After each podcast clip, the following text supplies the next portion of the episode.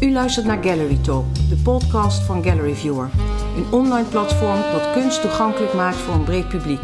Het galeriebezoek stimuleert en de stap tot een eventuele kunstaankoop kleiner maakt. Ik ben Manuela Klerks en voor de podcast interview ik een aantal galeriehouders over thema's die ertoe doen in de kunst.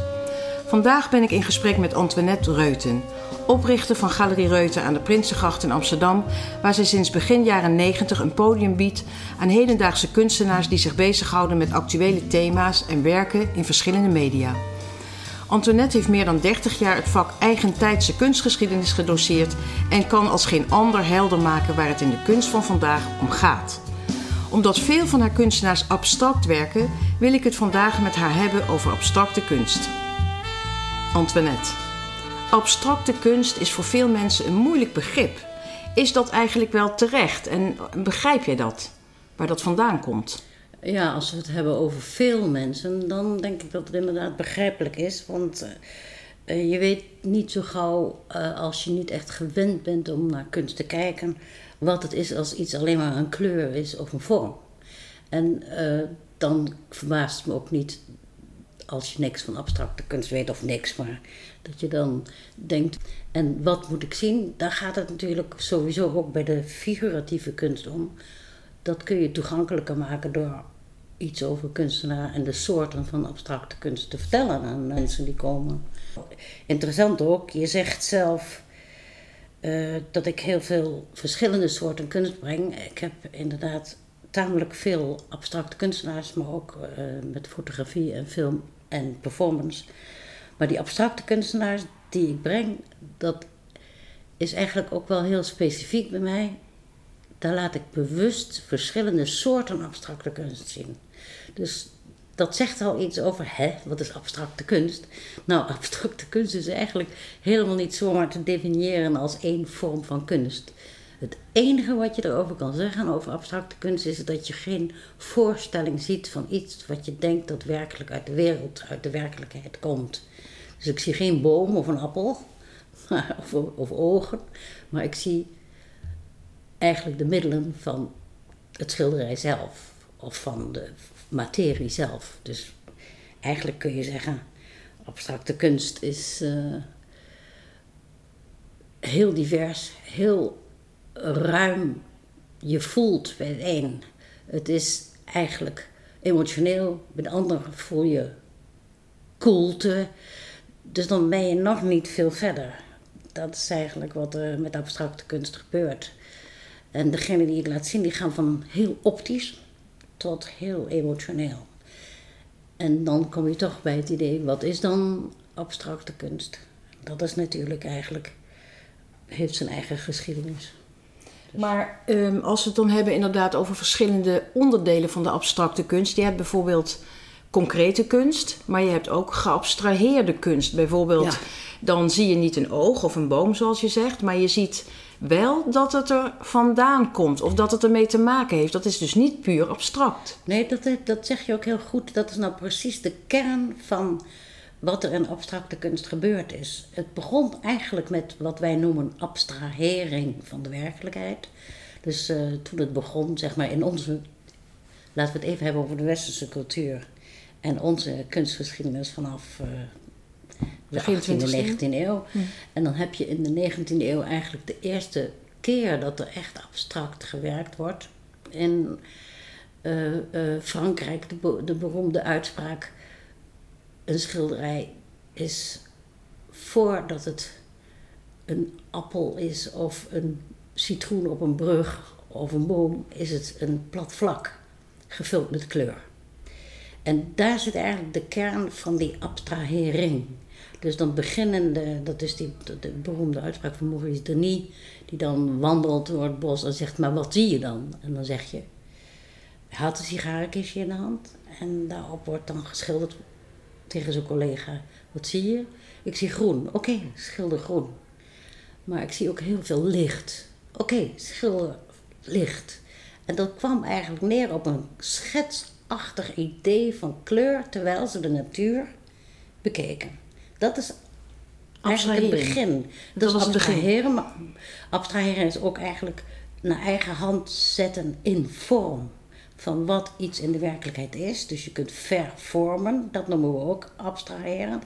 En daarmee wil je iets uitdrukken. Want dat is de kern natuurlijk van kunst, dat je iets wil zeggen. Dus wat je wil zeggen, zegt dan, waarschijnlijk staat dat dan dichter bij de kunstenaar dan, dan de werkelijkheid die buiten die kunstenaar is. Heeft hij daarom die abstractie nodig, zeg maar, omdat hij iets wil uitdrukken wat niet direct exact, ja. verband houdt met de wereld buiten hem, maar met de wereld binnen hem? Ja, want dat is nou eigenlijk de, de, de verschillende soorten. Je hebt de, de wereld binnen mij, ik ben emotioneel. Als ik emotioneel schrijf, bijvoorbeeld, dan schrijf ik veel krasseriger, feller, heftiger, zonder dat ik aan een voorstelling denk. Als ik denk aan uh, uh, rust of aan universaliteit, dan zal ik echt niet met mijn kwast lopen uh, ploeteren. Want dan gebruik ik iets zachts. Dan gebruik ik een andere kleur, dan gebruik ik een andere vorm vooral. wat ik bedoel te zeggen eigenlijk is met die abstracte kunst dat het pas later, als het ontwikkeld is van abstrahering, komt tot wat wil ik zeggen, hoe kan ik dat het beste doen. En dat kon wel eens zijn door geen voorstelling te schilderen. Maar ben je het met mij eens dat voor de kijker dat soms moeilijk is? Die kan niet raden zomaar wat er in het hoofd, in het hart van die kunstenaar speelt. Dus op de een of andere manier moet dat gecommuniceerd worden in het werk. Ja, Hoe gaat het dan in zijn werk? Ja, ja, dat is natuurlijk wat kunstenaars sowieso in zich hebben. Die, die, die willen iets zeggen. En hun middel, hun medium, is, laten we het even bij de schilderkunst houden. Uh, hun medium is dan die kwast. Maar die kwast, die heeft ook te maken met kleur. Die heeft te maken met vorm. Die heeft te maken met de drager. Die heeft te maken met de maat. Is het breed? Is het hoog? Is het en de hand van de kunstenaar de hand is van de kunstenaar. vette streep en daarmee, of zachte... En dan, dat is uit te leggen aan mensen door bijvoorbeeld direct te zeggen... u kunt ook nadenken over kleur. Bijvoorbeeld, om het heel eenvoudig te houden... Wat, van welke kleur houd je? Kun je naar die kleur kijken... zonder dat je het direct relateert aan een uh, voorstelling. Dus dan kun je het over kleur hebben. En zelf weet je natuurlijk ook wel nu wij ook wel natuurlijk gewend zijn aan zuiver abstracte kunst, dat uh, bijvoorbeeld, neem Mark Rothko, de kleur, de donkerte, de diepte, de zachtheid waarmee hij het opbrengt en de eigenlijk onduidelijkheid van wat je ziet en de maat waarop het gebeurt, dat je zegt van dat is aan mensen uit te leggen als je probeert ze te verleiden om te denken: wat is donker, wat is kleur, wat is iets wat je wil vertellen over tijd of over emotie. Ja, maar het voelt ook als iets wat uh, een geheim omvat. Als iets een beetje mysterieus, iets mystieks, dat spirituele. Terwijl als je een harde, felle kleur hebt van bijvoorbeeld een Mondriaan... terwijl die toch ook met een inwendig onderzoek was, bezig was... voelt het toch veel minder mystiek aan. Of uh, het voelt wat concreter aan. Het voelt, het voelt in ieder geval concreet aan, maar het is absoluut niet hard.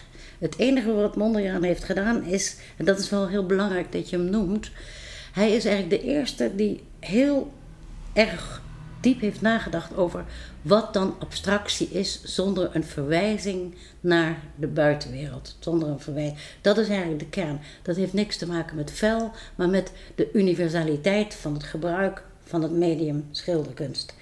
En daar heeft hij geconcludeerd dat hij alleen de primaire kleuren moet gebruiken, want die verwijzen niet naar een boom of een lucht. Die verwijzen alleen naar zichzelf. Dus je hebt zwart, wit en dat heb je ook met vorm. Je hebt een vierkant, dan kan ik een vierkant of een lijn en dat zijn verschillende dingen die eigenlijk alleen naar zichzelf verwijzen. En dat is eigenlijk de eerste die zo heel concreet abstract is, zonder daar uh, uh, heftige emoties of uh, felheid mee te bedoelen. Hij bedoelt eigenlijk universaliteit. Universaliteit van de taal van de schilderen. Maar um, als er bij jou mensen in de galerie komen en die kijken zo van... Mm, ik zie een kleur op een doek, maar ik begrijp er helemaal niks van. Heb je begrip voor zo'n reactie en hoe ga jij daar dan mee om? Heb je dan het gevoel van, oh dat is iemand die begrijpt er niks van, laat me gaan? Of zeg jij, Nee, die heeft hij of zij heeft de moeite genomen naar de galerie te komen. Dus ergens zal er best interesse zijn. Ik ga de eerste stap zetten. Ik heb er in ieder geval geen enkele moeite mee als mensen uh, moeite hebben om met te kijken wat moet ik eigenlijk zien. Dat vind ik best normaal. zoals die beroemde uitdrukking, eh, om maar lelijk te doen, dat kan mijn kind ook, of mijn kind van drie. Eh, ja, dat klopt. Eh, maar u niet, want je denkt namelijk dat een schilderij iets moet voorstellen. Dus je moet er heel erg aan wennen. En dat kun je mensen gewoon zeggen. Dat, dat, dat het best begrijpelijk is dat je eraan moet wennen dat iets alleen maar een lijn is of een vlak. Maar als je eenmaal die barrière hebt besproken met ze, want dat vind ik eigenlijk ook wel uh, goed om te doen, dan kun je gewoon zeggen: ja, kunst kan ook gaan over alleen maar dat wat het is, kleur. Lijn, dus je, je brengt dan mensen eigenlijk uh, in contact met een ruimte ja. waar ze niet eens van wisten dat die bestaat. Bijvoorbeeld, maar dan komt dat natuurlijk in de galerie bijna niet voor. Maar het is altijd goed, vind ik tenminste, om mensen toch een opening te geven bij het kijken. Of het nou abstract is of, of een hele ingewikkelde voorstelling op een fotowerk. Het gaat er in feite om dat je natuurlijk voelt dat mensen denken: waar moet ik beginnen met kijken? Dat je ze gewoon iets vertelt over wat er te zien is. Kun je bijvoorbeeld iets vertellen aan de hand van een werk dat op Gallery Viewer staat? Van een kunstenaar wiens werk nu, nu daar te zien is, zodat mensen daar ja, dat kunnen is, kijken. Ja, dat, dat is een goede. Uh, je hebt natuurlijk op Gallery Viewer, nou laat ik beginnen met de twee grote verschillen die ik zelf op Gallery Viewer heb staan. Dat is de hele uh, uh, transparante ja, wat moet je zeggen, bewegende abstracte kunst van Lon Godin. Dat gaat eigenlijk over ruimte en tijd. Dat voel je. Het is nergens gedefinieerd als een streep of een vorm. Het is een flow van kunst die over het doek gaat, zonder contouren en zonder kleuren die naar de natuur verwijzen. Dus eigenlijk wat we noemen lumen. Dus uh, Licht. Uh, de kleuren die wij zien in het in glas. In, uh, mm. Dus de kleuren die niet gerelateerd zijn aan de natuur, maar aan het heelal eigenlijk. Dus die... Een soort reflectie van kleur? Ja, nee, het is, het, het is, je ziet het in de randen van glas. Dat is... Uh, oh ja, een soort prisma, een kleurenprisma. Ja, ja dat je... is het, daar komt het eigenlijk ja. vandaan. En die uh, spectrumkleuren, zo noem je ze, spectrumkleuren, dat, daarmee maakt ze werk. En dan voel je tijd, je voelt universaliteit. En je voelt ook overal het geestelijke ervan. Zonder dat ik daar een religie of iets bij moet voelen. En tegenover uh, breng ik uh, kunst die ook op Gallery Viewer te zien is van Henriette van het Hoog. En, uh, die hele concrete kunst maakt van juist hele stevige vormen, maar die eigenlijk steeds je verleidt terwijl je naar die objecten van haar kijkt, want het is met reflectieve verf en acryl op zink, dat je denkt, wat zie ik? En dat is heel optisch, eigenlijk heel concreet. Maar niet zo concreet dat je denkt, het is niet meer dan dat. Nee, want je hersens worden de hele tijd verleid om te zien, letterlijk, wat zie ik? En dat is bij beide hetzelfde, maar de ene is heel van vorm uit en van de optische wetten uit. En de andere is uit van de idee van tijd. Dus dat is wel een mooi, mooi verschil. En ik heb ook zelfs hier een kunstenaar die heeft een uh, lange plank neergezet, Richard van der A. En die lange plank, die is, dat noem ik, die is geverfd. Die is niet geschilderd. Die heeft een roze kleur en die is precies wat die is. En de titel is dan ook Easy Peace. Dat betekent dus gewoon dat je drie totaal verschillende vormen van abstracte kunst hebt, die tegelijkertijd, als je er iets over vertelt, door mensen ook heel goed te ervaren en te zien zijn. Mensen blijven ook bij zo'n godin best lang staan kijken, omdat je voelt dat het iets universeels heeft, ook door de maat. Dat spreekt mensen toch aan, hè? Ja, dat dat uh, appelleert aan iets ja. universeels, wat je al zei, uh, dat we met elkaar delen.